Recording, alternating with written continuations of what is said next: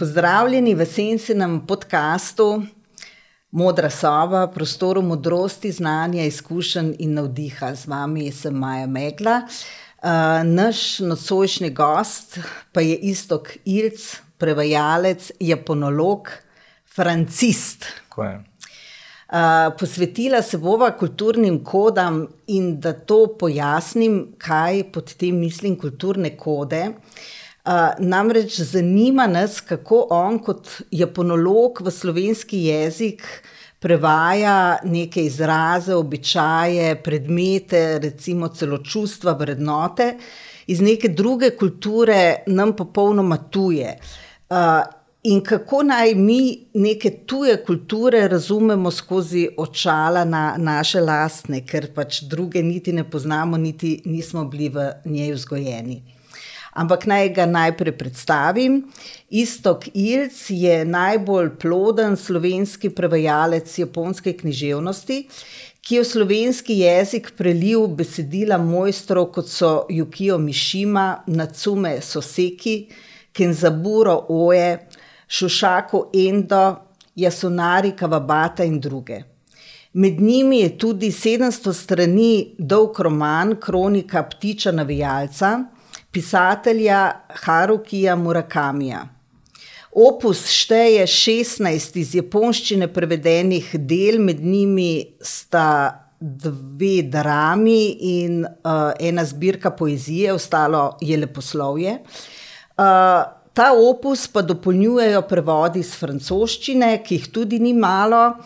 In sicer je zagrizel v kar 12 prevodov francoskih del, med njimi pa je tudi uh, roman uh, francoskega pisca Welbecka z naslovom Serotonin.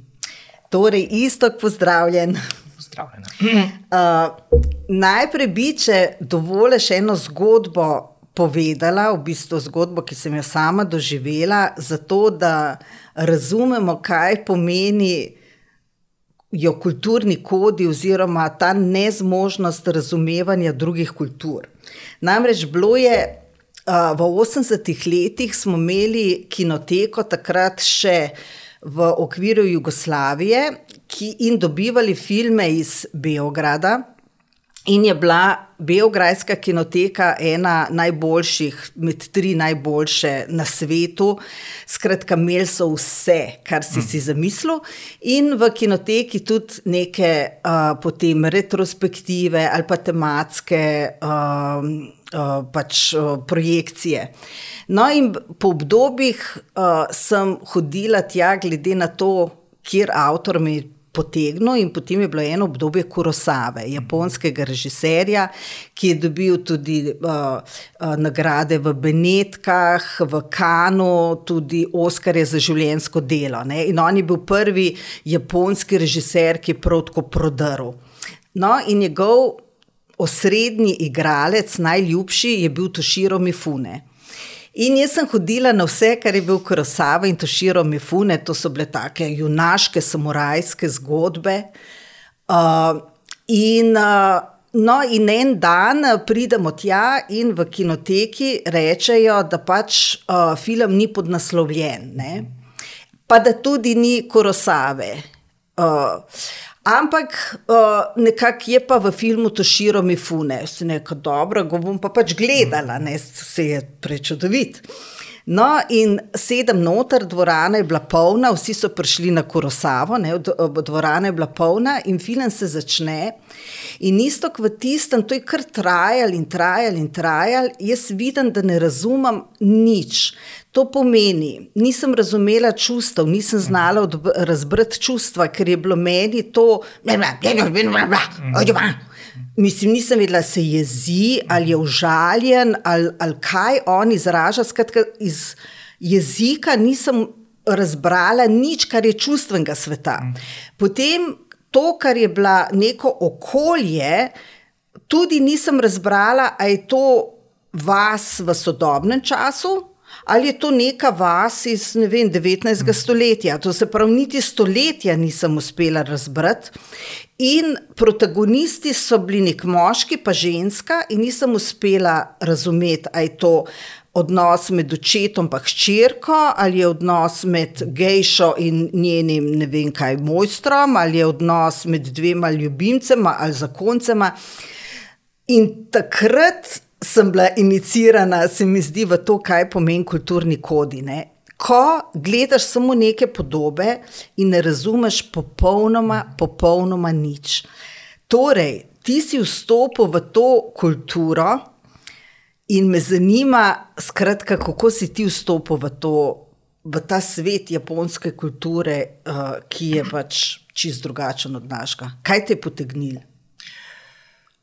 Ja, moja zgodba je resnici tako malo mal dolgočasna, zakaj sem začel japonščino študirati. V resnici tukaj ni nobenega globokega razloga za to. Um, to so bila zgodna 90-ta, takrat ni bilo zdaj nekih manjk in animajev, to so bolj primorci poznali preko italijanskih televizij, takrat ni bilo še te distribucije japonskih dobrin, ki je kasneje eksplodirala po letu 2000. Ne. Enostavno takrat je bil ta oddelek za azijske študije čisto nov. Uh, in meni se zdi simpatično to študirati, in sem se preprosto upisal poleg francoščine, zato sem pač vedel, da bom študiral. Ne? In moj stop je bil zelo, um, zelo suhopan, v bistvu skozi jezik, skozi jezikovne vaje. Takrat sem jih postopoma nas navajal na kakšne navade in uh, kulturne kode. Ampak pravic povedan se jaz s tem nisem kaj dost uh, obremenjeval. Ne? Enostavno opazuješ, seveda tudi sprašuješ in se sproti učiš. Tako da ni zdaj, um, ni zdaj neke, ne vem kako ne rečem. Preprosto je boljše enostavno samo gledati, kako se stvari odvijajo, kot pa nekaj um, se poskušati na silo naučiti in potem mm. posnemati neke vzorce. Ne. Mm. Ampak je bilo to tako zelo slučajno, da si vstopil v ta svet, pač japonščina, učenje japonščine, japonska kultura, je bil kakšen tak sprožilec, nek trigger, ki te je pote, potegnil, ker to je res a, zelo eksotičen korak. Pa še zahteven. Ja, pač uh, trigger je bil ta, da sem jaz hotel študirati nekaj malce nekonvencionalnega mm. takrat. Ne? Pač bila je neka mladostniška mm. nečimrnost, lahko mm. temu rečemo. Ne? Seveda je pa. Seveda, Japonska je pač zelo zanimiva, že sama po sebi. In sem se pač odločil, da mm, mm. se pač ali študirati sinologijo ali ponologijo. Zdaj, Za sinologijo se nisem odločil, uh, ker pač takrat Kitajska ni bila še tako um, prominentna kot je danes. Ne? In nekako uh, se mi je zdelo, da pa mogoče bila pa japonščina za me bolj primerna. Ampak če zdaj naredim mm. neko, neko revizijo, ne, uh, Mogoče pa ne bi bilo slabo, če bi se odločil za kaj bolj mediteranskega, ne vem, kakšno arabščino ali pa turščino, in mogoče bi mi po karakteru še zelo bolj pasali. ja. Ampak koliko je zahteven ta študij, mislim, uh, jezika kot takega, ne samo književnosti in vsega, kar mhm. pritiče tudi učenju uh, japonologije, ampak jezik kako je to zahtevna zadeva, se naučiti vse te pismenke, vstopiti v verjetno čist drugo logiko. Um, zdaj, Japonščina je tukaj malo specifična, ne? ker sam enako velja za ostale uh, vzhodnoazijske jezike. Slovnica sama po sebi sploh ni zahtevna. Uh, tako da ti dejansko zelo hitro lahko spregovoriš. Uh, večji problem je njihov uh, sistem pisave, ki so ga zakomplicirali pa nepotrebnem, vsaj jaz imam tako občutek, pa nepotrebnem, ker poleg pismenk uh, imajo zlogovno pisavo. Ne? In zlogovno pisavo se ti najprej naučiš. Dejansko ti lahko zlogovno pisavo zapišeš vse. Pa oni so se odločili, da bodo ohranili pismenke za zapisovanje korenov besed in za zapisovanje vem, um, samostalnikov. Poleg tega se pismenke še izgovarjajo na popolnoma različne načine, odvisno od rabe. In to se lahko dejansko naučiti na pamet, ker tukaj ti intuicija, ki dosta ne pomaga. Pismenka za nekaj se v nekem drugem kontekstu izgori popolnoma drugače, glede na to, ali je koren izgovorjave kitajski ali je japonski. Lahko poveš, recimo, na enem primeru, da si lahko to predstavljamo, skratka, kako to izgleda. Um, ne, kako naj rečem. Um, Recimo, beseda v, je lahko uporabljena na dva popolnoma naprimer, različna načina. Pismenka. Pismenka. Pis Naprimer, ja. Imamo šolski primer. Imamo glagol jesti. Ne? In uh, temu se reče taberu po japonsko. Ne? In taberu se napiše s korenom, ki je pač zapisan v pismenki, potem še s končnico, ki je zapisana v zlogovni pisavi. Ta koren se v tem kontekstu bere kot taberu. In pač vidiš, da je glagol, to rečeš taberu. Če mi to pismenko uporabimo za nekaj drugega, naprimer za apetit ali pa za ne vem, jedilno mizo, se bo ta ista pismenka, ki se je prej izgovarjala taberu, se bo izgovarjala kot šoku. Popolnoma drugače. In to lahko apliciramo praktično na vse pismenke. Uh, in tukaj se stvari zapletajo. Ampak postopoma se navadiš, ker itak operiramo z nekim naborom najpogosteje uporabljenih besed. Ne? Kaj pa to, recimo, moški, ženski spol, množina, ednina, dvojina, vikanje, Aha. tikanje, no. te neke. Uh... Uh, tukaj je zadeva malo olajšana, ne? ni zdaj nekih sklonov, pa ni zdaj moškega, ženskega spola in teh, teh, reči, teh, teh reči ni. Uh, pregibajo se glagoli, pa še to samo preteklik. Ne preteklik, uh, željena oblika, in tako naprej, zdaj v podrobnosti ne bo šla. Um, kar se tiče pa posebnosti, ne samo japonščine, ampak recimo tudi korejščine, pa še kakšnih drugih shodnatskih jezikov, je pa ta, da lahko da, da ločujejo registr a, po spolu, glede na spol govorca. Kako to misliš, registr? Uh, ne razumem. Uh, uh. Ženske uporabljajo različne druge mašile kot moški. Mm. Aha. In ženske. Uh, so bolj ljudne kot moški pri, pri govorjenju. Uh, ločitev, oni ločujejo na, mi bi rekli, vikanje, tikanje, tam so ljudne, neuljudne in spoštljive, nespoštljive oblike. In to je pač nek sistem, ki se ga moš tudi naučiti. Ne? Ki lahko je zelo bazičen, ne? lahko pa pač ima marsikatero nijanso. Kaj pa recimo pridevniki, ki so tako pomembni v teh naših uh, evropskih jezikih za to neko bogatstvo pripovedovanja, ne? Mhm. kako oni naredijo, recimo, neki, nek, uh, neko beseditev sočno, bogato, mislim, imajo tudi to vrstne prijeme. Razlika med našimi, če, če govorimo o predelnikih, ne, uh, recimo, oni ločujejo med predelniki, ki, so, um, ki opisujejo nekaj objektivnega, ne, in predelniki, ki opisujejo nek čustven odnos do tega, ne? oziroma nek, neko izkušnjo s tem. Ne? Če bom jaz rekel, da je vreme mrzlo, da je nekaj mrzlo, da je voda mrzla, bom rekel, da je cumetaj. Če bom pa rekel, da zebe, ne, da je meni mrzlo, bom pa rekel, da je samuj. Aha, to zapravo, tukaj je predvsem. Ja, ampak, tu, ampak tukaj je vse en ta nabor teh, teh situacij, vse en uh, malo manjši, tako da to se treba samo naučiti. Ne? To je samo pač del vokabularja, ki ga moraš obvladovati. Kar je pa zanimivo pri japonščini, je pa um, zelo bogata raba onomatopej.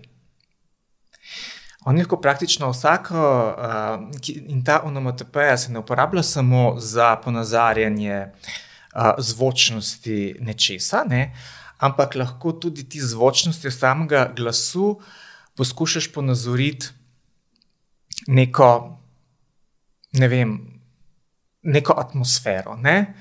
Naprimer, da rečeš, da je tako prijetno toplo, boš rekel, da je poka poka. Naprimer, da se nekaj bliska, da se nekaj tako svetlika, ne, naprimer, pika pika. Ne? Ali pa da nekaj postopoma narediš, je to don don. Ne? In tega je ogromno. In, zdaj, to, in to je v bistvu tudi pomembno za prevajanje, zato, ker te, te zvočnosti niso kratko um, naključne, ne pač imajo neko svojo stilistično mhm. funkcijo. Če jih nekdo uporablja zelo veliko, ali pa nekdo se jim pa izogiba, pa želi spadati malo bolj resnobno. Naprimer, to je treba pa nekako zvočnost jezika nekako mhm. čez pripeljati. Ne. Veš kaj, pred uh, uh, parimi podcasti, mislim, da je bil drugi, tretji podcast, uh, sem gostila um, uh, Kitajca Čena, Čen Šining, mhm. on je uh, Tajčijevc in Čigongovc. In sem ga že uh, prosila, sem ga, če lahko izbere kakšne dva reka modrosti, kakšne take njemu ljube kitajske misli ne, in jih pove. No, in eno, ki jo je izbral, mi je bila zanimiva, zato ker je zvenela, kot da gre za eno besedo, ki jo je povedal z različnimi melodijami in z različnimi. Poudarki, ampak tako zvenel je kot ena in ista beseda, povedala na mnogo tere načine, bil je pa nek stavek, ki je imel neko zapleteno misel.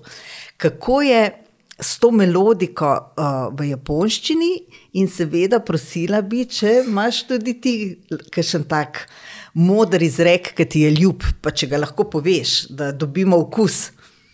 Je to, kar si rekla, pač kitajska modrost, ki, ki se potem prevede s celim stavkom. Ne. To je pač dediščina klasične kitajščine, ne, kjer so se pač te modrosti s štirimi pismenkami izražale. Ne? Pač Kitajci, kot vemo, pač ponovadi ena pismenka, ena beseda in se da to um, pač zelo. Um, Zelo fino uporabljati za kakšne denate izraze. Seveda ta tradicija klasične kitajščine seveda se je prenesla tudi na, na japonščino, ker pač ima funkcijo latinščine praktično. Ne? In tudi Japonci so imeli kar nekaj takšnih rekel, uh, s štirimi pismenkami, žal zdaj ne vem nobenega na pamet, so se pa zelo, zelo so jih uporabljali zlasti v politične propagandne namene. Ker seveda štiri pismenke je zelo enostavno spraviti na kakšne panoje mm -hmm. in uh, podobno. Na beže. Ja, ne. Uh, zdaj, kar se tiče pa kakšnih rekel, moram reči, da sem tukaj uh, mal slab. Lahko povem, enega, ki zelo dobro ponazarja japonsko um, kulturo in njihovo miselnost, to je pač Deru Kogiga Utareru, se pravi, uh, žebelj, ki štrli ven, se zabije. Ne, malo kruta. Ne, odlično je. Na nek način, uh, uh, na nek način ja, uh, zelo dobro opiše, uh, kako ta uh, družba funkcionira. Ne. Uh, ampak lahko bi to razumel in kot, recimo, če razumeš kot posameznika, da se ga zabije v neko, da ne štrli ven, ne, mm -hmm. da, se ga, da se unificira neko tako družbo, je. pol je to precej neprijetno. Če pa razumemo tako, da je uh, neka težava, ki štrli iz naše, uh, kako bi rekla, celostnosti mm -hmm. in nam povzroča težave, nas dela neharmoničnega, in če zabiješ ta žebo, da si zopet celovit, potem je pa to všeč. No, lahko tudi tako. No. Mi je pa všeč en uh, rek, ki ga pa žal ne znam zdaj z glave, iz japonščine. Uh, bi mogel se pogledati doma, mi je pa zelo zabaven. Um, tudi opica lahko pade z drevesa. Ne, se pravi, tudi če si ti mojster v nečemu, se lahko narediš napako. Ne? To to pomeni. Tako da, um, če, če kdo kaj teži, da ja, pač si se zmotil, pa ne vem, pač ne znaš tega, pa unga, pa tretjega. Ja, ne. Kako, kako sproščujoče in razbremenjujoče je to? Ne? Ja, A, ja. Ne? Uh, isto to me je zanimalo, ko sem seveda sem mal brskala zdaj le po japonski, križarla mal uh, čez stvari, tako kaj me bo nekako potegnilo, da lahko kaj tudi spregovoriva. In mi je zelo uh, pozornost pritegnil to, da je v takem porastu strip na mhm. japonskem. Mm in uh, da prelivajo celo njihovo klasično literaturo v neke uh, oblike stripa, zato da to približajo pač uh, bralcem. Uh, uh, a si se ti karkoli s tem srečeval, ko si pač uh, prevajal ali karkoli brskal po materijalih? A to pomeni, ali je to specifično za recimo japonsko kulturo, ali nekako bi lahko rekel, da je nek trend v porastu, da otrokom več, kako bi rekla, ni dovolj to branje, da rabijo nekaj, kar je hitreje, uh, neko informacijo, ki jo hitreje vsrkajo, to se pravi sličice, da, nam, da nimajo potrpljenja brati eno celo stran, da bojo dobili to informacijo, ki jo dobijo iz sličice. Skratka, kaj se tukaj dogaja? Ali je to specifično japonsko? Tukaj težko rečem, ker dejansko res nisem specialist uh, za mango. Jaz se s tem nikoli nisem poglobljeno ukvarjal. Ne vem, sicer sem poskušal to brati, pa uh, me nekako niti ni pritegnilo. Ampak to, to pripovedovanje zgodb s sličicami ni novo. Ne? To imajo oni kar zelo dolgo tradicijo, seveda je pa. V 20. stoletju je izbruhnila pop kultura in se je to začelo masovno, masovno tiskati. Uh, kar se tiče pa tega, da bi vem, lažje, ne vem, če je to glih japonska lastnost, da, so, da, da ta koncentracija branja upada. Jaz mislim, da imamo kar vsi s tem težave. Ne. Je pa res, da recimo specifika japonske mange je ta, da oni lahko tudi pisavo uporabijo kot slikovni material. Ne. Se pravi, da razne te pismenke in uh, zlogovno pisavo tako oblikuje, da je v resnici del, um, del slike. Ne. Isto kot ti prevajaš, a prevajaš iz originalov ali si pomagaš z obstoječimi prevodi, recimo angliškimi, francoskimi, mm. ker si tu domač pač v francoščini. Uh, Uh, ja, prevajam seveda iz izvirnika, ampak imam pa zmeraj zraven za konzultacijo pač druge prevode, tisti, tiste, ki jih razumem. Ne? Ker to je v resnici zelo koristno. Ne? Ker um, to je kot da bi imel še en slovar zraven. Ne? Se pravi, nek slovar, neke praktične rabe. Ne? Pač, ti pač pogledaš, kako je to slovar obdela, pač tako klasičen, ne? ali pa gledaš, kako se nekdo znajde v konkretni um, situaciji. Ampak konec koncev vsak prevajalec ima v glavi svoje videnje, kako ne bi um, prevod izgledal. Ampak to je zelo pogosta praksa. To delamo prevajalci iz različnih jezikov, različne jezike, se konzultiramo, ne glede na to, ali je to tako oddaljen jezik kot je japonščina ali pa nekaj bližjega. Ne? Tako da to sploh ni nič tacga med prevajalci. Ne? Veš, kaj me zanima, mm. kako se zdaj tega, recimo, ti lotevaš? Verjetno ste mm. tudi prevajalci zelo različni v pristopih, ampak mm. recimo, da, mu, da, da dobiš neko ponudbo za prevod ali pa da sam izbereš. A greš prebrati od tega avtorja več del, da dobiš nek občutek. Uh, kaj je njemu specifično, kaj, uh, kako, uh, kako čuti, kako doživlja, kako preliva stvari, kako pripoveduje. Tako da ga greš pač širše prebrati, da ga začutiš, da ga potem prevajaš, oziroma kako se lotevaš tega. No? Ah, ne vem, po potrebi. No. Um, težko rečem, ker jaz, zdaj, jaz dejansko nimam zdaj nekega standardnega pristopa, da pa zdaj pač se sistematično lotim enega avtorja. Um, Ponavadi se tega lotim, polk že prevajam. Če, mislim, jaz sem tako ali tako tak zelo, zelo nesistematičen moralc in berem tisto, kar me v nekem trenutku pritegne. Ne? In, če, in če je to recimo ta avtor, ki ga takrat prevajam, polja, sicer pa. Ne vem, no, mislim, da ja, se je fino pač poznati čim več, ne, že zaradi, že zaradi potem, um, če ste nekakšni uh, razni sogovorniki, ki vprašajo v avtorju, je dobro še kaj več vedeti, da lažje umestiš delo, ki ga prevajaš. Ne. Nisem pa jaz zdaj tukaj nek. Um, pifarski fanatik, da bi zdaj na veliko bral enega avtorja samo zato, ker ga prevajam. Mm. Če mi je všeč, ja, če, če ne pa. Ne. Ampak kako se lotiš? No, kaj, je, kaj je recimo ključno za dober prevod? Ja, ključno za dober prevod je predvsem, da imaš veliko časa. Ne? To je bistveno. In da si skoncentriran in da si vsaj mičkeno. Uh, motiviran, da to delaš. Ne? Največja muka je delati uh, brez motivacije. Uh, kaj ti pač ta prevajalski kruh je tak, da ni vse odvisno od tvojih želja, pač včasih narediš po naročilu. In včasih te zadeva pritegne, včasih te pa pač malo manj, tako ti treba pač se mal bolj, um, je treba najti to um, uh, motivacijo. Druga stvar je, jaz mislim, da za dobrega književnega prevajalca je absolutno nujno, da je pač načitan in da predvsem da je razgledan. Ne? Ker jaz sem že neštetokrat na letu na neke skrite um, citate, namige na nekaj, tako pač navržejo. In če ne bi tega vedel, mislim, se prevedu bi ne. Ampak, a bi res prevedel natančno tako, da bi se res zelo natančno vklopil v kontekst, je pa druga stvar. Ne?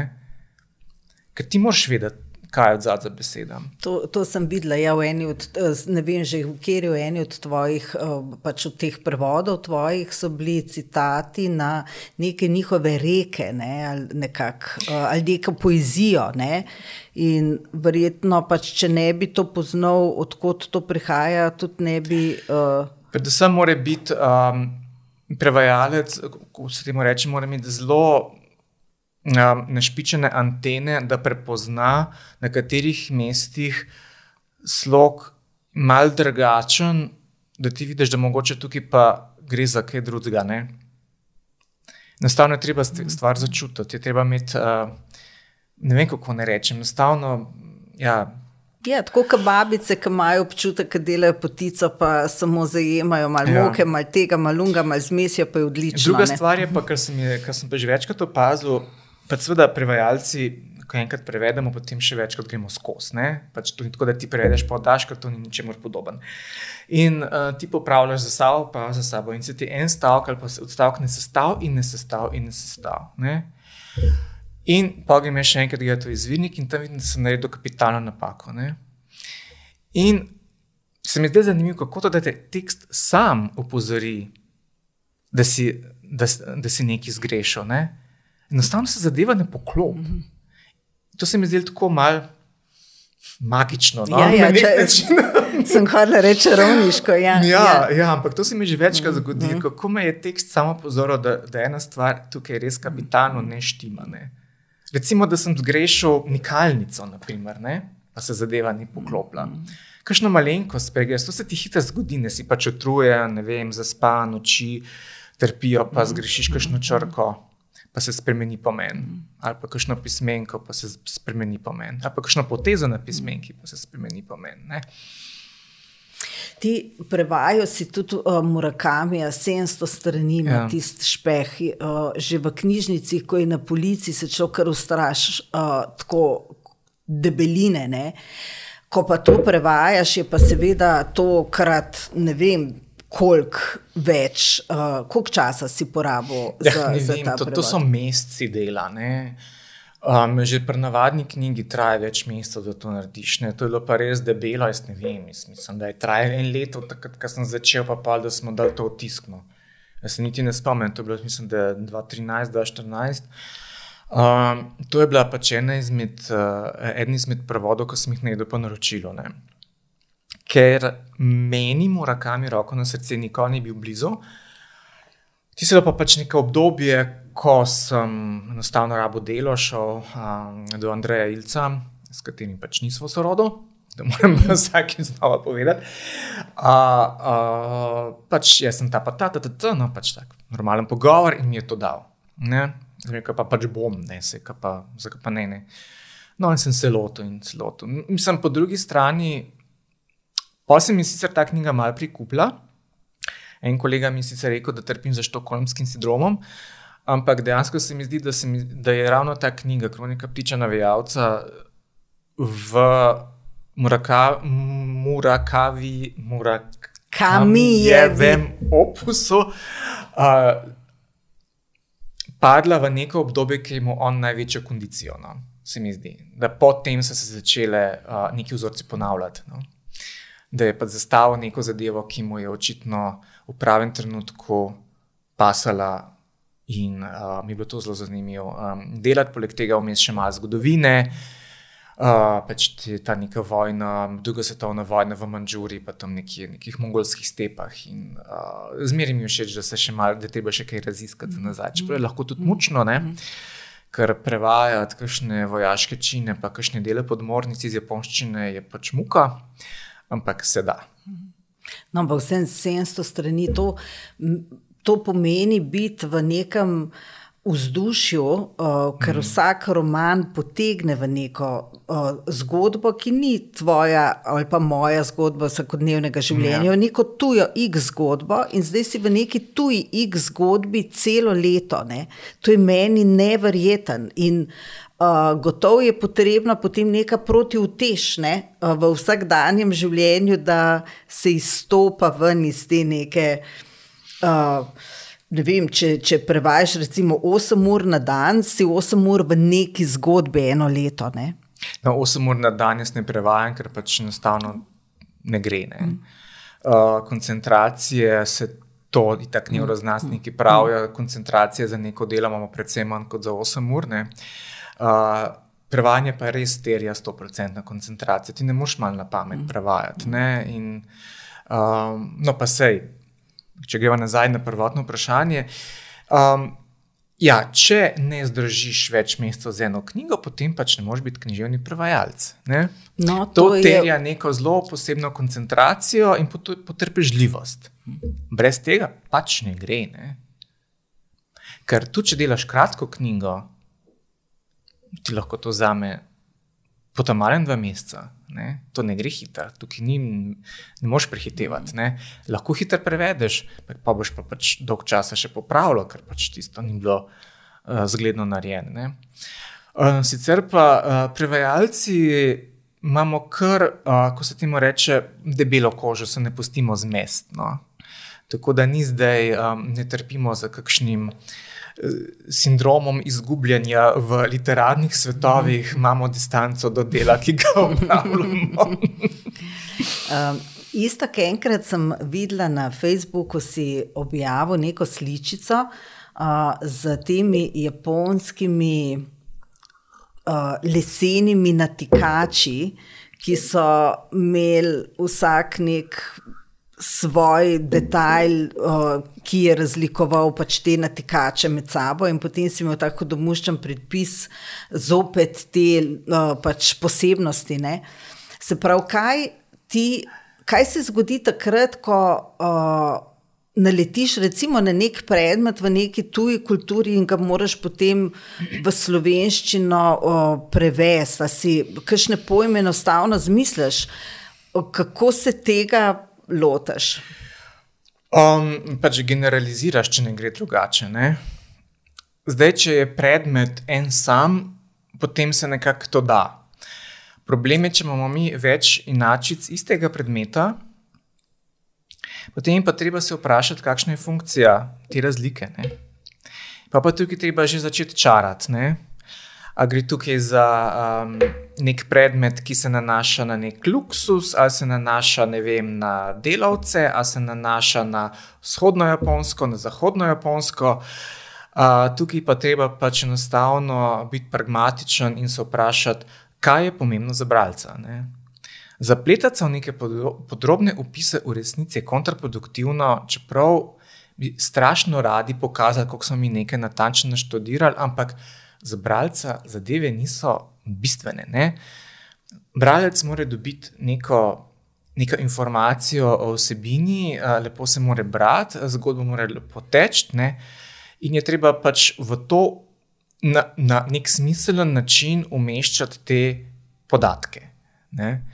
Zdaj, kar se tiče tistih natikačev, tam sem imel srečo, ker hvala Bogu ni bilo te razlike s kakšnimi drugimi natikači, bil samo en. Ne? Imel sem večji, večji problem pri a, enem drugem prevodu, ko so bili trije tipi nekih frizur, ki so jih imeli konec 19. stoletja, ženske, pač te neke. Niti ne, niti ne za gejše, ampak pač ženske so imele te blazno zapletene fige. No? In teh fik je ne vem koliko vrst, sem šel pa gledat in je bilo tam ne vem koliko 50 nekih različnih uh, tipov tega vozlanja las, vsak imel neko svoj, vsako svoje ime. um, tam se pa pač malo bolj zapleta in je bilo treba pač nekaj ščarati. Ne. In to je verjetno za njih pomembno, te razlike v teh figah. Pa, uh... V resnici je toliko pomembno, kot je pomembno za slovenskega bralca. Zdaj, tukaj. Um, tukaj je problem bil tehnično prevajalske narave. Medtem ko japonski bralci, ah, to je ta frizura, to je ta frizura, to je ta frizura, je treba v slovenščini nekako upisati, da ni preveč, pa da ni premalo, pa da se vidi razlika, pa tako, pa kjer je bolj moderna, pa kjer je malo manj moderna, pa tako ne take zadeve. Ampak uh, to pa vidiš, no, to, zaradi tega si treba vzeti čas, ker potem vidiš, ko popravljaš, ne, kaj rabiš, kaj tekst rabi. Ne. Ali pa recimo zdaj prevajamo Tanizakija, kako komu drago, ki govori o tem, o občudovanju tradicionalne japonske, pa nas to popisuje kimono iz tega, pa tega blaga, um, un kimono iz tega blaga, mislim, kaj če s tem, ne moš tega prevesti. Enostavno se treba odločiti, ali je to lahka svila, ali je to težka svila, ali je to uh, podložen kimono. Ne, med, treba je nekako uh, se znajti in uh, generalizirati na ta način, da bo ta bistven pomen vam prišel. Ali gre za stvar, ali gre za razkošje, ali gre za vsakdanjo stvar. Pač treba, se, treba se je vprašati o funkciji. Pač to je ta šolski, funkcionalistični pristop mm -hmm. k mhm. prevajanju. Mm -hmm. Ti to uh, prevajanje je tako precej samotno početje, tako kot pisanje knjig. Mm -hmm. recimo, pač, uh, in, še, in še naporno je, ker, ker se samo sedi v neki skrivenčeni drži za računalnikom. Tako, ja. uh, uh, pač vsak poklic ima uh, svoje seveda ekstreme, mm. ki jih je treba polo uravnotežiti. Ne? Recimo telovadci ali pa učitelji športne vzgoje, pa doma veliko počivajo. Ne? Ampak mi, ki veliko sedimo uh, za računalnikom, ki pišemo, ali pa ti, ki prevajaš, kako potem to uravnotežaš z.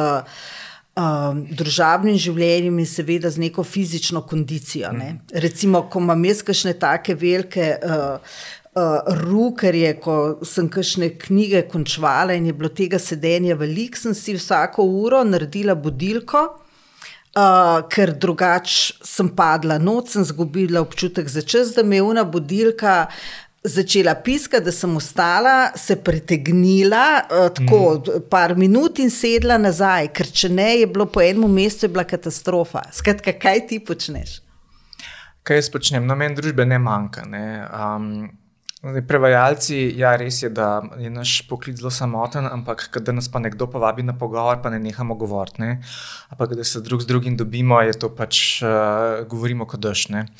Um, prevajalci, ne samo prevajalci, pač vsi, ki se recimo ukvarjamo z literaturo, um, mogoče to splošno javnost ne ve, kako smo kar dosta aktivni. Tako, no? Mislim, kar uh, veliko smo zunaj, da smo zunaj, ker tudi radi telovadimo, pa radi hodimo, pa tečemo. Pa, uh, tako da um, ne vem, ne poznam človeka, ki bi bil res samo noter in doma, in zmeri gremo ven in kaj migamo, ali pa doma migamo. Um, Ja, um, problem je um, pač to sedenje, ne pa se ni samo za prevajalce. Ne vem, jaz s tem niti nimam problema, ker se kar veliko jemljem. Um, Veliko si jemljem uh, tudi nekih odmorov, ker, uh, kot sem rekel, ne moreš biti 100% skoncentriran non-stop. Zanimivo, sem enkrat sprobal um, na svet Marija Javoršek. Ne. Uh, nekaj smo čakali, in potem je rekla, no, se, če pa prevod ne steče, naredim par korakov po stanovanju, pa se mi med hojo kaj utrne. Ne. In dejansko to pomaga ne vem, očitno je nekaj, ta um, telesna motorika očitno ima, um, no, očitno se to dokazano, da uh, gibanje ima um, vpliv na možgane, ne? vpliva pozitivno na možgane. Ne?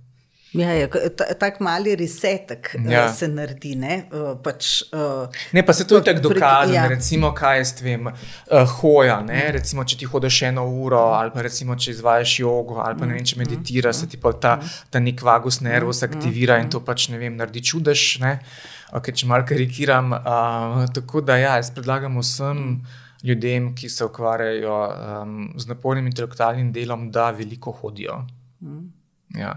Ker hoja pač vse ni tako naporna, kot tekne, ampak je treba res hoditi eno uro. Tako. Se strinjam, ja. tisoč procentno. Ja. uh, Isto, kar si bil na japonskem, kdaj? Ja, bil. Ja.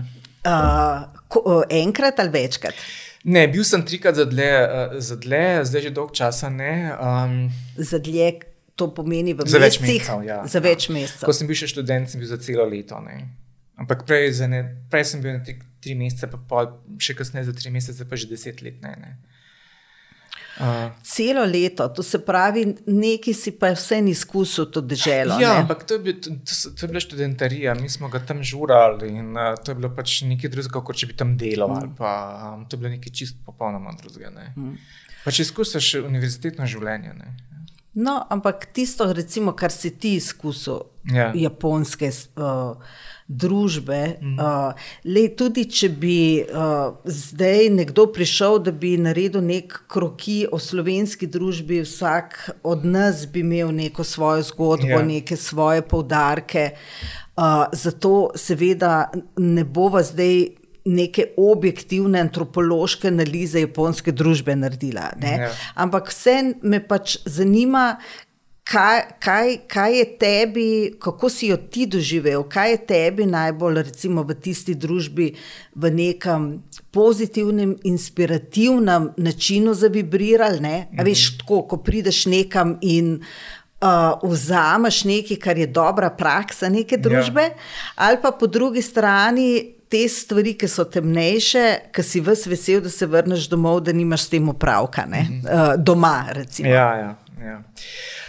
Uh, zanimivo je, da eni zahodnjaki, mislim, da je to v bistvu grozno izrazno, ampak recimo, um, da lepšega nimamo, se v resnici tam zelo znajdejo, se imajo zelo ok. Ne?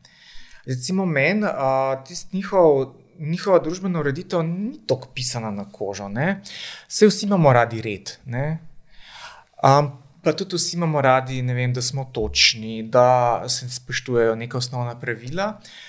Ampak uh, mogoče je, ne vem, tist, mogoče je tam mal preveč za me. Um, zdaj, kar se tiče um, pozitivnih plati, ne, recimo ta skrb za skupnost, ta skrb za skupno dobro, to zavedanje za skupno dobro uh, je pač nekaj definitivno. Dobrega, ne? in to se je recimo tudi videlo zdaj v času epidemije. Um, oni tako že prej niso imeli problema nositi mask, ne?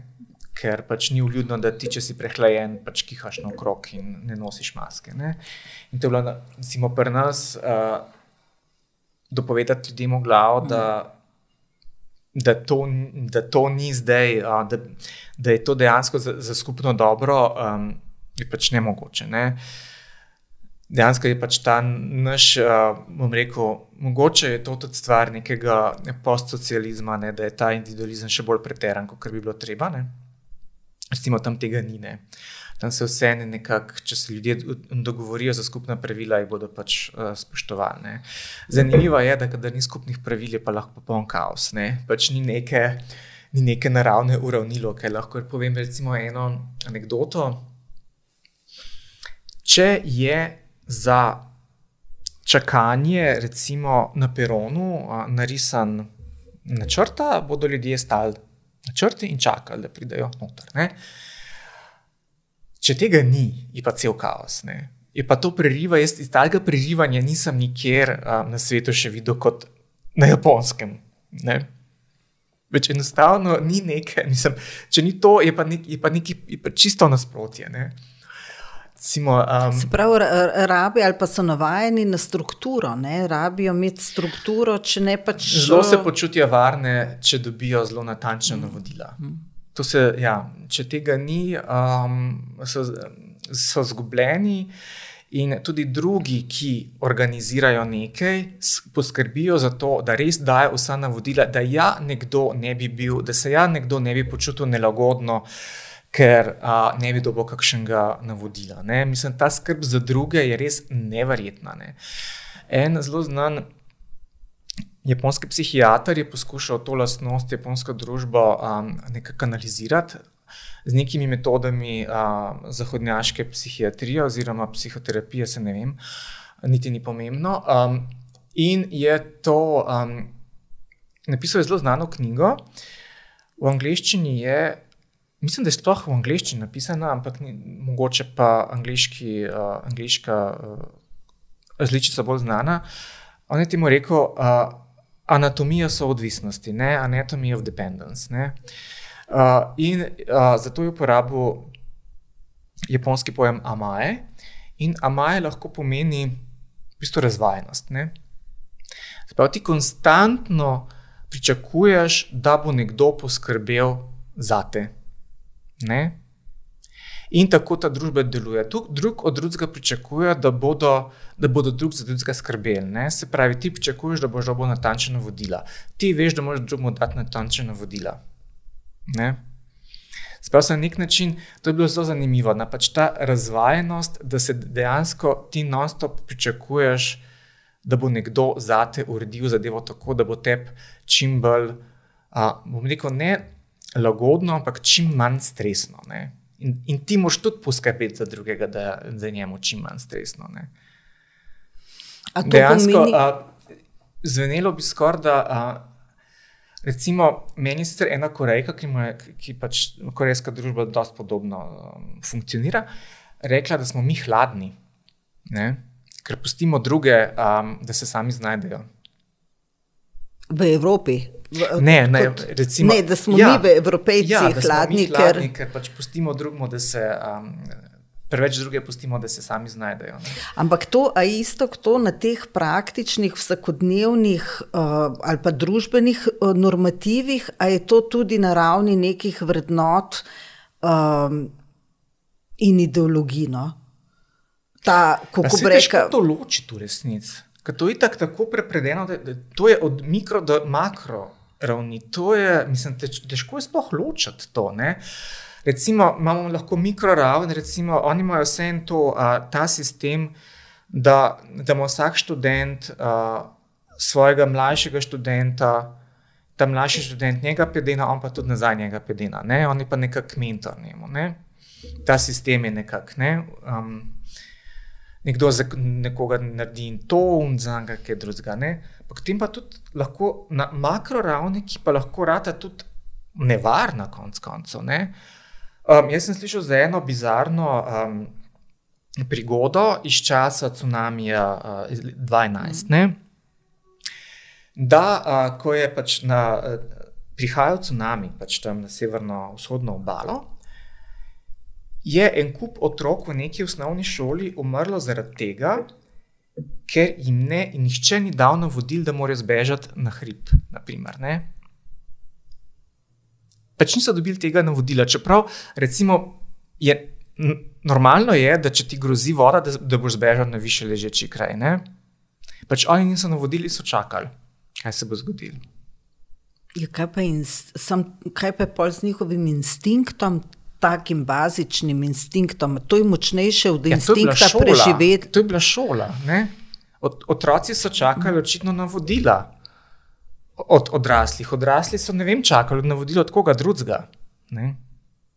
Tako da to je pač ta skrb za drugega, ki je lahko zelo hvale vredna, ima pa lahko tudi pač svoje, rekel, ekstremne plati, ki pa za nas niso najbolj logične. Ne? Ja, to, to, to, to kar uh, je težko nekako dojeti. Ne? Ja, Mislim pač, ker je ker že instinkt preživetje narekuje. Ja. Da, ali, kako je pa potem, recimo, s tem um, svetom raziskovanja? Ne? Ker ko raziskujemo, tam smo pa precej sami in um, zatavamo v neke nove svetove, in tako za raziskovanje rabiš imeti to svobodo, odprtosti, prostosti. Ne?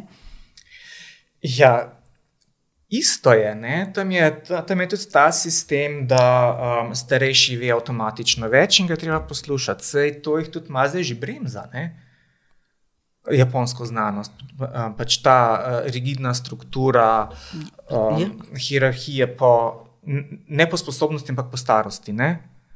To se, ne, in pač ta hierarhija po starosti, ki je pač prenesena in na javno upravo, in na podjetja, in na vse. Uh, uh, je pač lahko kontraproduktivna. Mislim, da je, je, je zelo tradicionalna, je zelo konfu, v bistvu je to izvira iz konfucianizma, uh, da pač starejši ve bolje. Ne? Ampak ni res. Ne? Pač bolje ve tisti, ki pač, pač ima več izkušenj, ne? pa ki, ki več zna. Um, ja, to je problem. Recimo, um, Mm. pridejo zahodnjaki tja raziskovati, imajo lahko hude, hude travme, ker enostavno ne morejo delati tega, kar hočejo, ker morajo se podrediti neki strukturi, ki je za nas. Um, Ne samo, da je kontraintuitivna, ampak je kontraproduktivna. Ne? Če ti hočeš raziskovati, pač moš raziskovati, ne bo zdaj tam čakal, da ti dovolijo, da, se, da ti lahko, ne vem, vstopiš v nek proces, ki ga ti tako ali tako že obvladaš. Ne? Isto, eh, kaj je v tej kulturi takšnega, da je tako visoka stopnja samomorilnosti? Ne? Eh, glede na to, da recimo Slovenija je tudi tukaj zelo specifična v negativnem smislu, seveda. Ne? Eh, kaj pa, kaj pa tam v, v tisti kulturi tak, takega, da je tolikšna tenzija, da um, verjetno, seveda, ne boš mi zdaj le stresu izrokaval, ampak tako vsaj za pač nek, nek občutek, kaj, kaj je tam takega, da ljudi v take primeže spravlja, da je tolikšna stopnja samomorilnosti. Uf, um, mislim, zdaj lahko uh, govorimo o teh negativnih plateh. Recimo, oni imajo hudo težavo z uh, medvrstniškim nasiljem, ne? s tem ustrahovanjem, psiho s psihološkim nasiljem. Bullyingom. Ne? Lahko je fizični bullying, lahko je psihološki. Naprimer, velik problem imajo, ko se temu reče, z izločanjem nekoga iz, uh, iz neke skupnosti. Ne? Pač to je nek način nasilja, da ti nekoga preprosto ne sprejmeš mece. Ker ti japonska kultura je pokupčkana, ne? ti moš pač v en kupček spadati. Ne? In, um, ja, in pač ti otroci lahko so, lahko so izločeni zaradi zelo bizarnih reči, naprimer, da znajo angliško bolje kot ostali. Se pravi, to so tiste žebu, ki, ki ga je treba zabiti. Ki ga je treba zabiti. Uh, potem uh, imamo težave z uh, izgorelostjo na delovnem mestu. Uh, potem imamo težave z grozljivo prekarnostjo uh, med mladimi in med uh, ženskami. Ne? Imamo težavo z grozljivo razliko med življenjskimi stroški in eh, plačilom, sploh v prekarnih poklicih. Uh, potem enostavno se eni ne vidijo v tej, um, v tej strukturi um, soodvisnosti, ne? bi radi malo bolj po svoje. Ponavadi so takšni ljudje, umetniki. uh, ali se pa izselijo, pa, pa živijo kje po svetu in se imajo čist fino. Ne? Ja, to so tisti žeblji, ki štrlijo ven, pa, ja. pa, pa jim je lahko zelo težko mm. zaradi tega. Mm. Um, zelo, zelo zapleteno. Ampak kako, oziroma tako bi obrnila, v, v Sloveniji je uh, ta agresija ki se ne izrazi na ven, ne, ne to zdaj, da bom jaz tebe užgala, udarila ali karkoli, ampak da svojo jezo ali pa napetost, da sem sposobna izraziti in povedati, kaj mi, kaj mi je mhm. moteče. Uh, pri slovencih je ta uh, medsebojna komunikacija uh, precej problematična in uh, se ta agresija kopiči. Ne? In potem izbruhne ali kot agresija do sočloveka, ta, mhm. ta prava fizična, ali pa kot agresijo, ki jo obrnemo proti sebi. Ne? Mhm. In seveda lahko to pripelje do pač tudi samomora. Ta, uh, uh, uh, nemoč, ki se sprevrže v tolikšno agresijo, da pač uh, posežemo po tem drastičnem sredstvu. Skratka, zdi se mi, da je tudi ta plat, kako ravnavamo ne samo lastna čustva, ampak tudi medčloveške odnose, uh, da kaže, da imamo, vsaj v Sloveniji, tukaj problem in ga dejansko imamo. Ne se, se vidi v medijih, pa v politiki, eh, ta nemožnost ne spoštljive komunikacije. Kako je pa potem na japonskem, ne, uh, verjetno ta del tudi igra neko vlogo. Ne. Uh, sploh, če je pač družba tako zlita ne, mm. v te neki soodvisnosti. Ne, ne pa sej, vse se zavedajo teh, teh problemov in jih tudi poskušajo odpravljati. Ne. Ampak um, to gre pri njih zelo, zelo, zelo počasno, verjetno počasi se, se, um, se karkoli spremenja. Se imajo, ne vem, psihološko pomoč po šolah, ne, pa se imajo, opozarjajo na pač ta karoši, ne pač to izgorelost, mm. oziroma smrt od izgorelosti na delovnem mestu. Um, poskušajo, ne, ampak. Uh, No, ampak to, to sem tudi uh, hotela načeti s tabo, ravno tako karoši, ne, da pride do tega, do tolikšne izgorelosti, ne, uh, more predtem biti ena še predstopnja in to je to, da je delo tolikšna vrednota, da se pehajo po 16 ur na dan in več brez prestanka, da enostavno obstanejo, ali je to izključno samo stvar preživetja? No, tukaj bi jaz vse zadevo mogoče malo drugače pogledal. Vprašanje je, če je delo vrednota, če ne gre tukaj za lojalnost do delodajalca. Ne. Jaz nisem občutka, da je na japonskem delu kaj večja vrednota kot kjerkoli drugje. Tudi tam so ljudje zelo radi leni. Ne zelo radi ne delajo nič. Ampak je treba izkazovati lojalnost do delodajalca, treba je, biti, treba je viseti na delovnem mestu, se eni dejansko tudi veliko delajo, no, ne, ne bomo zdaj delali krivice. Ampak jaz sem tam opazil zelo veliko um, dela v prazno. Se pravi, da si ti tam zato, da izkažeš, uh, da izkazuješ to pridnost, uh, to lojalnost, uh, to spoštovanje mm. do nadrejenega. Mm. Um, vprašanje pa, če je to efektivno. Ali je to mogoče potem sorodno, kot je v južnokorejski družbi, kjer je tudi izrazita in ta izgorela razlika ni. med Južno Korejo. Mm. In sicer res Južne Koreje ne poznam tako dobro, ampak jaz nisem, kolikor jo, meni se niti ne zdijo takšne. No, v, te, v te predanosti do delodajalca, mm, mm. ki gre v, v te ekstreme. Pač. Mislim, jaz sem enkrat slučajno nekaj na televiziji, um, mislim, da tudi naši kanali uh, lovijo ta uh, mednarodni NHK, ne pa Japonsko nacionalno televizijo. Nekaj je bilo o problemu izgorelosti teh risarjev animejev. In je pač bila tam neka mlada ženska, ki je bila pač animatorka in je pač izgorevala, izgorevala, zaslužila pa nič, nekaj pač izkoriščevala, izkoriščevala, služba je bila. In potem je to pustila, ampak zanimiva je bila njena izjava. Ona je, ona mislim, da je z njo nekaj narobe. Ne? Ona ni videla problema v svojem delodajalcu, da jo on izkorišča, da, pač, da mora delati cele dneve in noči za praktično zapinac. Ne? In to je bilo zanimivo. Ona je, ona je nas um, to krivdo um, navlekla. Ne? Jaz sem se počutila nesposobna. Sem, ne? Ja, to so pa potem. Nisem zmo, jaz sem se počutila nesposobna, ker nisem zmogla to, kar je on zahteval od mene. Čeprav mislim, človek lahko naredi, kar lahko naredi. Ne. Ja. Ja, potem tukaj psihologi bi imeli marsikaj za, za, za zanimivega mm. dodati, ne, se mi zdi.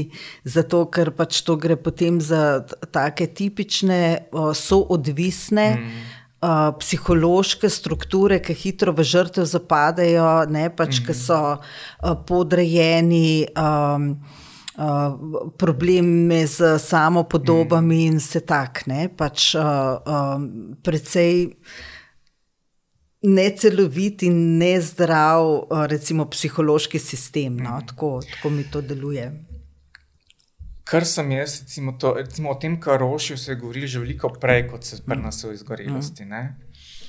In jaz včasih mislim, vedno govorim, da to, kar se na japonskem dogaja, se bo nas čez desetletje ali čez dve. Ne?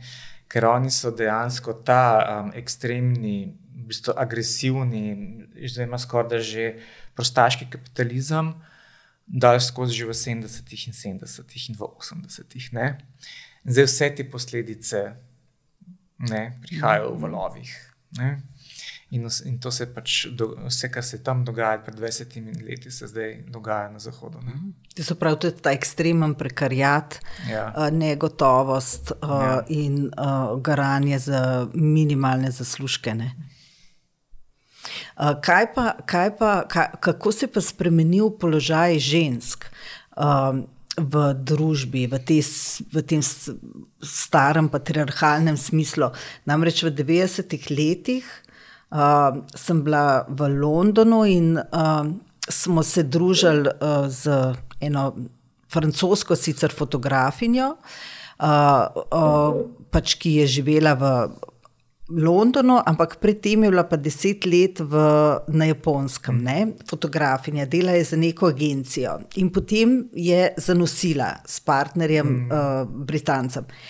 Zanosila in so ji pripravili uh, uh, nek tak vsesplošni žur v, v agenciji, ne? in ona je bila zelo ganjena nad tem žurom za tega njenega otroka. In reka, in potem jo je pretresel, ker se je pač med tem žurom izkazalo, da je to poslovilni žur. Se pravi, ni bil žur namenjen otroku, ampak je bil poslovilni žur, ker s, s tistim trenutkom, ko ti vstopiš v materinstvo, ne, nisi več pač. Uh, Player v, v, v podjetjih. Ne? No, in uh, je potem uh, jo to zelo pretresalo, in je potem pač spokala in odšla nazaj v uh, Anglijo. Ne? Kako je zdaj z, v, v japonski kulturi, recimo s tem položajem žensk v družbi? Nekaj dosti drugače se bojim. No? Uh, tam se te zadeve pa res zelo, zelo popolže spreminjajo. Ne? Ni zdaj, da bi, ne vem, enostavno niso še uh, sprejeli kakšnih takih splošnih reform, da bi lahko ženske več delale in hkrati še uh, furale uh, materinstvo in gospodinstvo. Ko, ko si ti mama, si pač ti za deset let doma. Šlepol, mislim, dejansko ima tako zelo čudno krivuljo uh, te karijere. Pač, kot mlada ženska delaš, nekaj dosežeš, ko zanosiš si pač doma, dokler otrok ni sposoben približno zase skrbeti in pa spet začneš. Uh, to je velik problem, ker konec koncev ti tudi lep del uh, aktivnega prebivalstva mhm. odrežeš od samostojnega zaslužka in še pol je problem, ker niso enako plačeni. Mislim, ta, ta vrzel plačna je tam zelo velika. Ne. Se nekaj o tem govori tudi spom, ta roman uh, Mamina zapuščina, ne, govori ravno o uh, ekonomski samostojnosti žensk v srednjih letih po ločitvi. Ne. In ravno zato, ker ne zaslužijo dovolj, so, so spre, so, je bila vlada pred nekaj leti, desetimi leti, petnajstimi leti, prisiljena sprejeti prav posebne zakone, da po ločitvi ji pripada del prihrankov moža, del pokojnine moža, del pač nekega kapitala, ki ga je mož um, zaslužil, medtem ko je bila ona doma, oziroma je delala prekarna dela. Ne.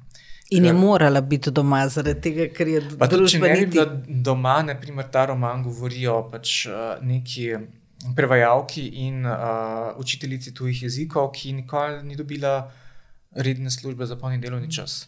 Pa če ni dobila. Ne. Hm. Uh, Veš, kaj nedavno sem brala. Um, Ne spomnim se zdaj, kje je, ker je to bilo mm. na spletu in pa se, se hitro pač zgubi sled. Uh, o tem, koli, zopet analize, kolikšna visoka stopnja osamljenosti je v japonski družbi in uh, se v naši tudi, ne? Mm. ampak v japonski, da je pač toliko večja in da je precejšen problem zaradi tega. Pač osa, osamljenost, iz, izoli, osa, ljudje, ki niso v obtoku, ne, ja. uh, izpadejo iz tega obtoka, in uh, pač ni, ni tolikšnih uh, struktur, socialnih, družabnih, da bi bile tolikšno vezje, da. Uh, Da bi pač uh, ljudje, kako bi rekla, ne pristali v nekih svojih uh, privatnih celicah sami, brez teh vezi z ostalimi. Ne vem, jaz pa nisem, nis, pa nisem dobil občutka, um, da imajo oni problem z osamljenostjo, ker oni imajo pa te, te neke civilne družbe, um, kar, kar veliko, ki recimo raznih mm. krožkov in dejavnosti za različne starostne skupine. Um, Ne vem, mogoče so sami tisti, ki, ki se ne vidijo v nobeni od teh dejavnosti. Ne, ne vem, a, eni so pa tudi, uh, hoč, mislim, eni pa tudi hočejo biti, da se um, osam, mislim, ne osamljajo, ampak da se jih pusti pri miru. Um, tako da bi težko rekel, da je kakšna osamljenost, kakšen tak zelo hud problem tam, kot je prostovoljna izolacija. Ne. To je večji problem tam. Razni ti hikikomori, ki se zapirajo v sobe. Ne. Se, um, pa tudi ne samo mladi, tudi, um, imamo tudi starejše pojave, ne, da so spet zaprti v svojo sobo in se ne prikažejo. Pa to ni bolezensko? Ja, očitno je bolezensko, to mora biti neka patologija, da ti nočeš imeti stika z zunanjim svetom. Zadnjič sem gledal en zelo zanimiv dokumentarc um, o ljudeh, ki izginjajo, ki izpuhtijo. Uh, Japonska ima tako strog, strogo zakonodajo o varovanju osebnih podatkov, da ti lahko brez velikega problema popolnoma zgineš, če hočeš. Ne? In noben ne more do tebe. Na kakšen način zgineš? Zgineš, zgineš, enostavno kot... te ni. Zgineš se nekam, preseliš, uh, vse kontakte za sabo zbrišeš, in uh, ne vem, te ni. In recimo, noben te ne more najti, ker uh, noben ne sme dajati nobenih osebnih podatkov, tudi če te mogoče po videzu prepoznal, ne sme tega povedati nikomor kar je dobro za to, da nekdo lahko začne na novo zgodbo, če je nekje ja, zelo zamočen, ne, ne, po drugi za kriminal pa verjetno. Kriminal pa, pa malo ni... manj, ne. Mm. Recimo, to je zelo koristno, se tam so bili primeri. Da se je neka ženska specializirala za, za to, da je pomagala drugim ženskam zbežati iz Gint, iz pač raznih nasilnih razmer. Ker, mislim, japonska, japonska družba ni nič drugačno od katere koli druge, ravno tako ima polno nekega družinskega nasilja. In ja, to je recimo, to, da lahko ženske izginejo ne, in se pač popolnoma novo življenje, ki ustvarja to lahko zelo. Kakšni ti zakoni so lahko zelo dobri? To je, ja, ja da, enostavno noben ne more do tebe. Mm. Uh, to, to bi še rada malo spregovorila o tej uh, zloglasni japonski mafiji in koliko oni resnično držijo um, pač vzvode družbe v svojih rokah, in politične, in ekonomske. Kako je to resnica, kako je pa to neka fama ali pa pač uh, zgodba, ki se jo prodaja dalje. Ne, ne, to je kar, to, kar lepo drži. Ne. Mislim, ta. Uh, zlizanost med organiziranim kriminalom, politiko in velikim, velikim kapitalom je pač identična Italiji. No. To lahko rečemo. Ne. Ja, mislim, to, to ni mit, to dejansko je tako. Ne. Je pač. Ti meni zrihtaš to, jaz ti bom zrihtal, ne vem. Jaz ti bom, zriht, jaz ti bom dal denar za politično kampanjo. Ne. Ti boš mene pustil primirne. Mm. Kaj mi je bilo fascinantno, sicer je to tako čisto obrobna zgodba, ampak uh, zanimiva mi je bila ena uh, francoska fo fotografinja, se je infiltrirala med uh, Jakuze ne, uh, in, um, uh, in spoprijateljila z ženskami od šefov teh klanov, ja. zato ker je hotela jih uh, fotografirati. Uh, namreč te pač ženske partnerice, mm. šefov klanov, so po hrbtu in pač v zgornjem delu vse potetovirane, yeah. in to je neka zelo pomembna, kompleksna simbolika zaščite, in noben naj ne bi smel videti te, teh njenih golih hrbtov.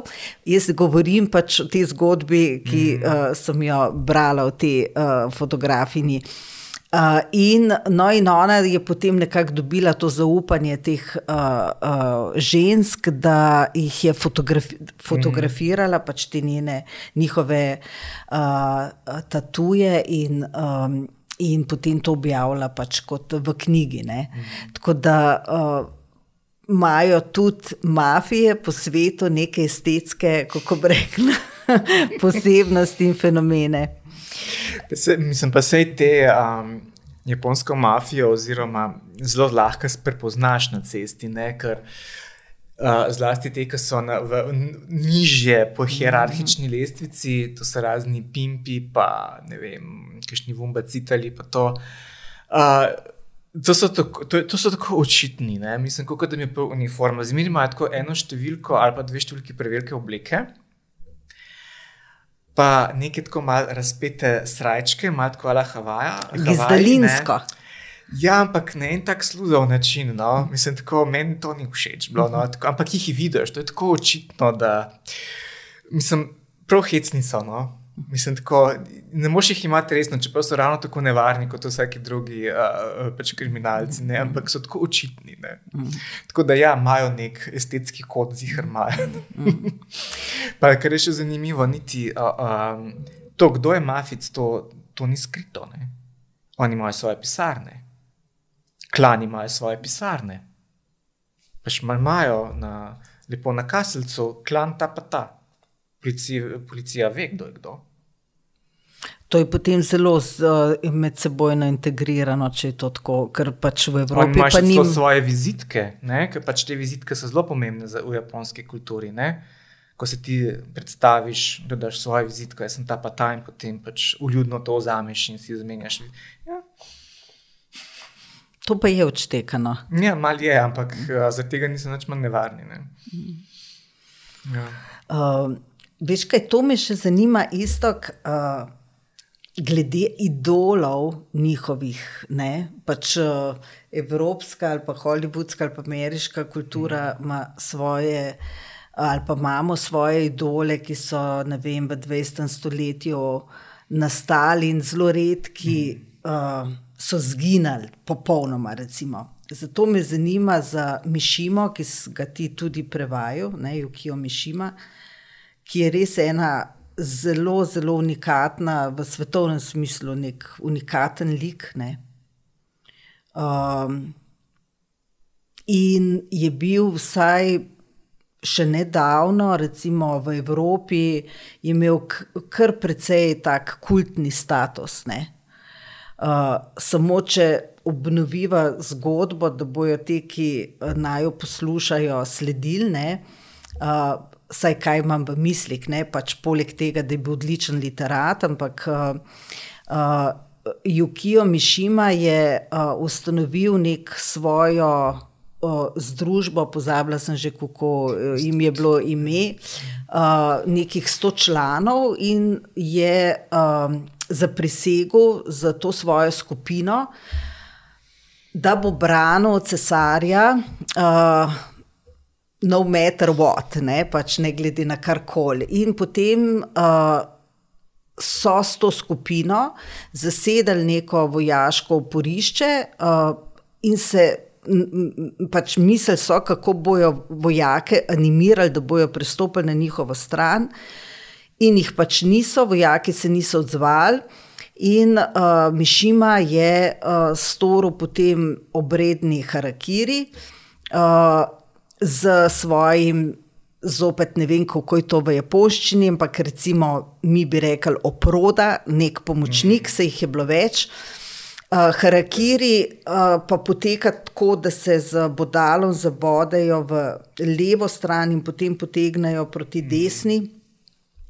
In uh, na koncu jih uh, ta oproda pač ob glavi, ampak ne popolnoma, ampak tako lih, da delček še vedno pritrjen glave na, na telo. Spretan, ne? Ne? Ja. No, tako, to, uh, no, in to so se pripravljali celo leto ne, na ta obredni harakiri, ki potem ni šel lih najbolj. Uh, Dobro, od rok temu oprodi, ker je tri poskuse pač tega obravljanja bilo. Ja. Skratka, To je ena cela zelo uh, odštekana zgodba uh, te mišime.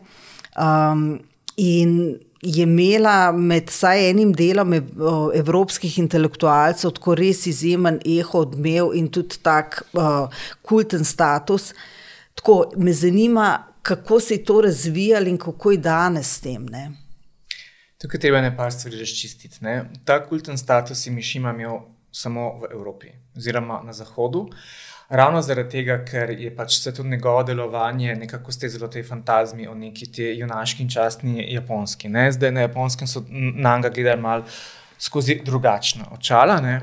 Uh, Nekako uh, niso ga imeli preveč resno, ker se mi dejansko se mi je zdelo, to, kar on počne, najbolj uh, resno.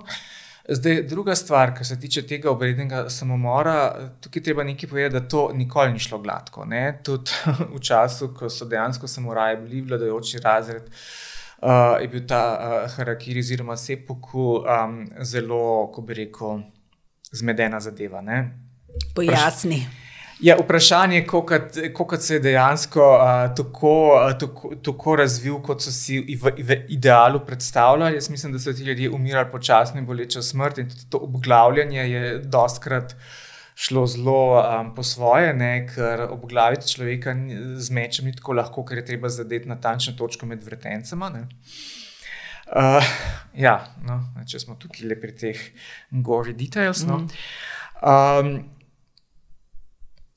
Ja, ta zgodba z Mišimo je, uh, ja, pač on je res hotel nekako rekreirati to uh, neko veličastno zgodovino Japonske, s tem, da je ta, uh, ta mit o vojaški časti bil v bistvu umetno vzpostavljen na prelomu med 19. in 20. stoletjem ko so morali nekako vzpostaviti neko nacionalno identiteto in so se oprli na samurajski razred. Ne.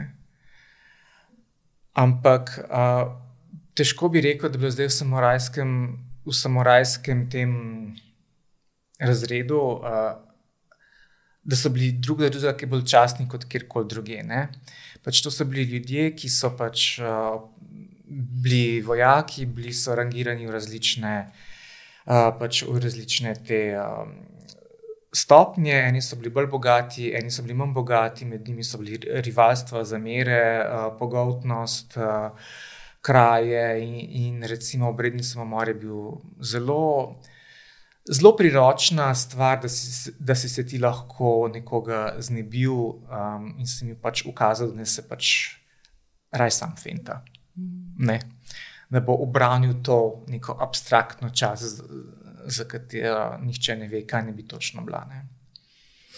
Prav, če sem te razumela, je bil bolj neka, neka projekcija evropejca um, o, o, o nečemu, kar naj bi bilo junaštvo, to, ki gre celo do konca, v smislu do, do smrti, do smrtnega izida, ta brezmejna, ne vem, pogum. Uh, da je bilo kaj uh, v to smer, da je Mišima bil takšen. Ja, pač uh, on je ustrezal te eksotični predstavi Japonske, da imamo tako reči. Ja. Ne pač te eksotični predstavi Japonske, dežele samurajev in tako naprej. Ampak to se zgodi leta 71. Ne? 70, ja, tam nekje. Ja. No, noben se ni brigal za samuraje takrat.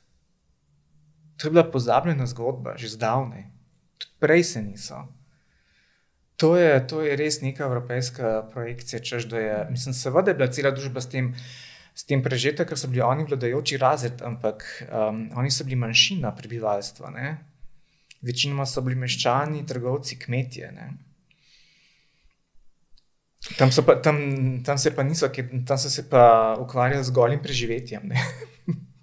Ne, pa s tem, ali bodo častni ali ne bodo častni. Ne? Mm -hmm. Ja. Tudi recimo to spoštovanje cesarja kot Boga je tudi vprašljivo, če so ljudje res verjeli, ali so to samo, pač, samo govorili zato, da so imeli mir pred oblastjo. Ne? No, to, to naj bi bil tudi razlog. Um, ne, uradna ideologija je bila, da, pač, da je celotna pač ta cesarska družina, da so potomci bogov, ne? dobesedno. Tako. Ne? Ampak. Ja, to je pač uradna ideologija, zdaj pa ljudje verjamejo, pa pač nekaj popolnoma drugega. Ne. No, ampak takrat, ko je Mišima storil ta uh, harakiri, mm. tistega dne naj bi uvedel nov zakon, po katerem je postal cesar regent, kar pomeni, da nima več tega statusa Boga.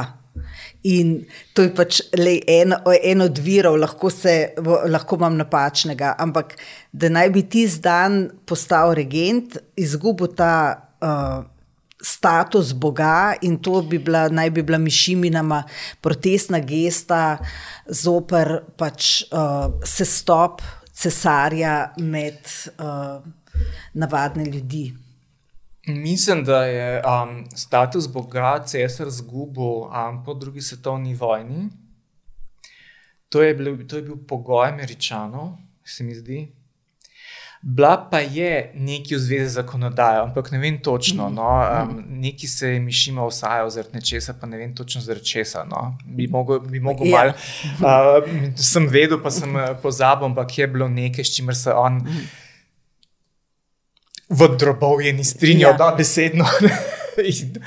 je pač pol. Ja. Um, Hotel je zanimirati potem še um, pač druge te aparate, se pravi vojsko in policijo. In zdaj, mislim, da je policijska postaja zasedena. Ne vem, če je bilo glifojaško porišče. In... Mislim, da je bilo porišče pač postojanka. Nekaj, nekaj je bilo. Ja, ne? ja. In ta, ta njegova, ne vem, pač niso ga resno imeli. No. Mm niso, preprosto ga niso resno jemali, kaj bo tam neki pisatelj, se gre pač nekega rešitelja, mm -hmm. japonskosti, ne, pa se pa še tam. Ja. Zanimivo je, kako so te usporedne zgodbe. Recimo, le, ja. Samo na mišimi, zdaj, koliko imaš ti nekih zgodbic, uh, ki so malce drugačne od teh, ki jih imam jaz v spominu. Recimo, no, pa prav pride, da uh, o tem govorimo z japonologom, ja. ki pač malo bolj osvetli. Um, uh, kaj se v resnici ja, dogaja. Ja, ja, ja. Um, ja, če gremo nazaj, ja, ne, pač nima ta, Mišima nima takega mm, kultnega mm, statusa, mm, kot ga je imel uh, drugi drugi. Le zanima me isto, samo tako za konec, malček, uh, če zaokrožva, kaj v tem tvojem uh, sobivanju z japonsko kulturo, kaj je tisto, kar, kar je tebe najbolj poleg kašnega, verjetno sakeja, pa sušija, uh, uh, ali pa tudi ne, ne od uh, uh, njihove izjemne kulinarike. Ampak kaj, kaj je tebe, kako bi rekel, najbolj inspiriralo, navdihnilo, kaj te je v tej kulturi najbolj privlači ali pa ti je najbolj prijetno. Recimo, jaz, jaz bi izbrala njihov minimalizem, dizajn v celoti, mm -hmm. način. Uh, Ta uh, zelo in v arhitekturi, in dizajn kot mm. dizajn, um, se mi zdi, da je eden boljših, vsaj meni, vrhunski, fenomenalen. No, japonski minimalizem je spet eden izmed teh mitov, ki ga Japonci zelo dobro prodajo na zahod. Ne? Jaz mislim, da japonski minimalizem ne obstaja. Ne? Je pač samo minimalizem, in, ki ga lahko recimo tudi v slovenskih kmečkih hišah vidimo. Uh, japonska estetika ni minimalistična sama po sebi. Vse je tam, tam najdeš vse. Uh, zdaj, kar je meni tako najbolj pritegnilo, gledaj, danes sem bral en članek o tem minimalizmu, pa to je pa moja tema za dodatni pogovor, ne bomo se zdaj zapletali v to. Uh, kar je, recimo, mene, če, če, če govorimo o japonski estetiki, uh, najbolj privlači, je odnos do materijala. Ne? Se pravi, da je estetsko to, da se material stara, da ni popoln, da um, recimo, to je značilnost te najbolj, ko reko, spromovirane japonske estetike, se pravi ta. To, da uh, te recimo, nepravilnosti, ki se dogajajo pri same od sebe, pri recimo, žganju gline, ali pa recimo, ki nastanejo zaradi staranja lesa, ta neka patina, ki se jo pusti uh, pri miru. Um, to je spremenilo moj pogled na na to, kaj je lepo, um, v celoti. Ne. Se pravi, tudi stvari z napako ali pa nepopolnosti so v celoti. Mora biti del... prava napaka. Ja, ja. uh, ampak to ni vse, kar na japonskem najdemo. Na japonskem najdemo tudi ogromno kiča. Jaz sem bil šokiran, ker sem bil prvič tam, koliko je, koliko je v resnici, uh, koliko je tek nek, kakšen senzoričen napad tam dobil zaradi zaradi tega nek ramen, ki čeraja in napisov in grdosti in, in zadeve so brez reda nametane. In potem pa dobiš pač neko šalčko ne? in pač v opoziciji pač vse te neke gmote, enih informacij, pa v bistvu pač v našalčka deluje z jako minimalistično. Ne?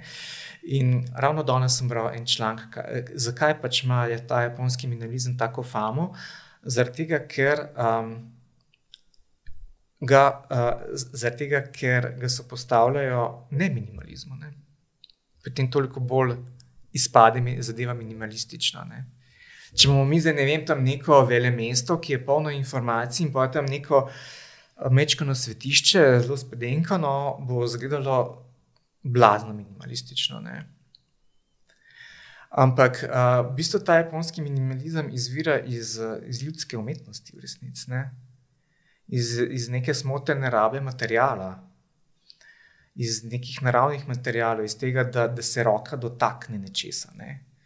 Ampak tega imamo tudi tukaj dosti, samo mi bi mogli to spromovirati. Ne? In bi lahko tudi govorili o slovenskem minimalizmu, ki bi ga postavili v točno določene instalacije, da bi izgledal še lepši in še bolj minimalističen. Uh, sicer pa od japonske celoti, recimo zdaj, zdaj prebiram članke o razvoju um, meščanstva in popkulture po prvi svetovni vojni. Ne. To je zelo, zanimiv, uh, zelo zanimivo obdobje, ki je bil res en tak boom tega, če morda danes rečemo sodobna Japonska. Ne. To je bil tak prvi tak res veliki val uh, popkulture, ki se je začel v 20 letih. Ne. Ta veliki prodor, zlasti ameriške kulture mm. na Japonsko ker pač prevajam en roman, ki se takrat dogaja. Ne. Takrat je bilo napisano, to hočem reči, mm -hmm. tako da zadeva še toliko bolj um, nekako so opada. Ne. Um, kako, so se, kako, se, kako, se, vem, kako so se razvila mesta v skladu s tem razvojem kinematografov, potem uh, komercialnih gledališč, um, revij, uh, veleblagovnic. Um, kako so ženske v veliko, veliki večji meri um, začele delati, zaradi tega, ker so rabili prodajalke, ker so rabili um, manekenke, ker so rabili, vem, igralke in tako naprej. Ne. Zelo zanimivo obdobje. Tako da trenutno je to nekaj, kar me zdaj najbolj zanima in v resnici me tudi eno od nekdaj, pač meščanstvo. Ne vem tukaj se najbolj najdem. Veliko bolj kot v neki ikebani, moram povedati. Da, um, te zadeve, kot so razne čajne ceremonije, ikebane in uh, vse te neke zadeve, to prepuščam nekomu drugemu. Istok, hvala ti za to, vse, kar si podelil. Uh, uh, zelo dobrodejno je začutiti neko drugo kulturo ali pa drug svet, zato ker um, se mi zdi ta svoboda, da se iz, iztaknemo iz nekih svojih omejitev, pa omejenosti, izjemno blagodejna. Meni je užitek govoriti o drugih kulturah, kadarkoli, s komarkoli, mm -hmm. ker tako je prav. Um, refreshing, prav os, osvežujoče. Mm.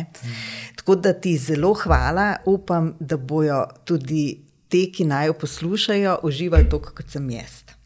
Ja, hvala za povabilo, pa lahko še kakšno rečemo. Tem ne zmanjka. Ne? Hvala, ja, hvala ja. morda naslednjič. Ja, Srečno, hvala, istok.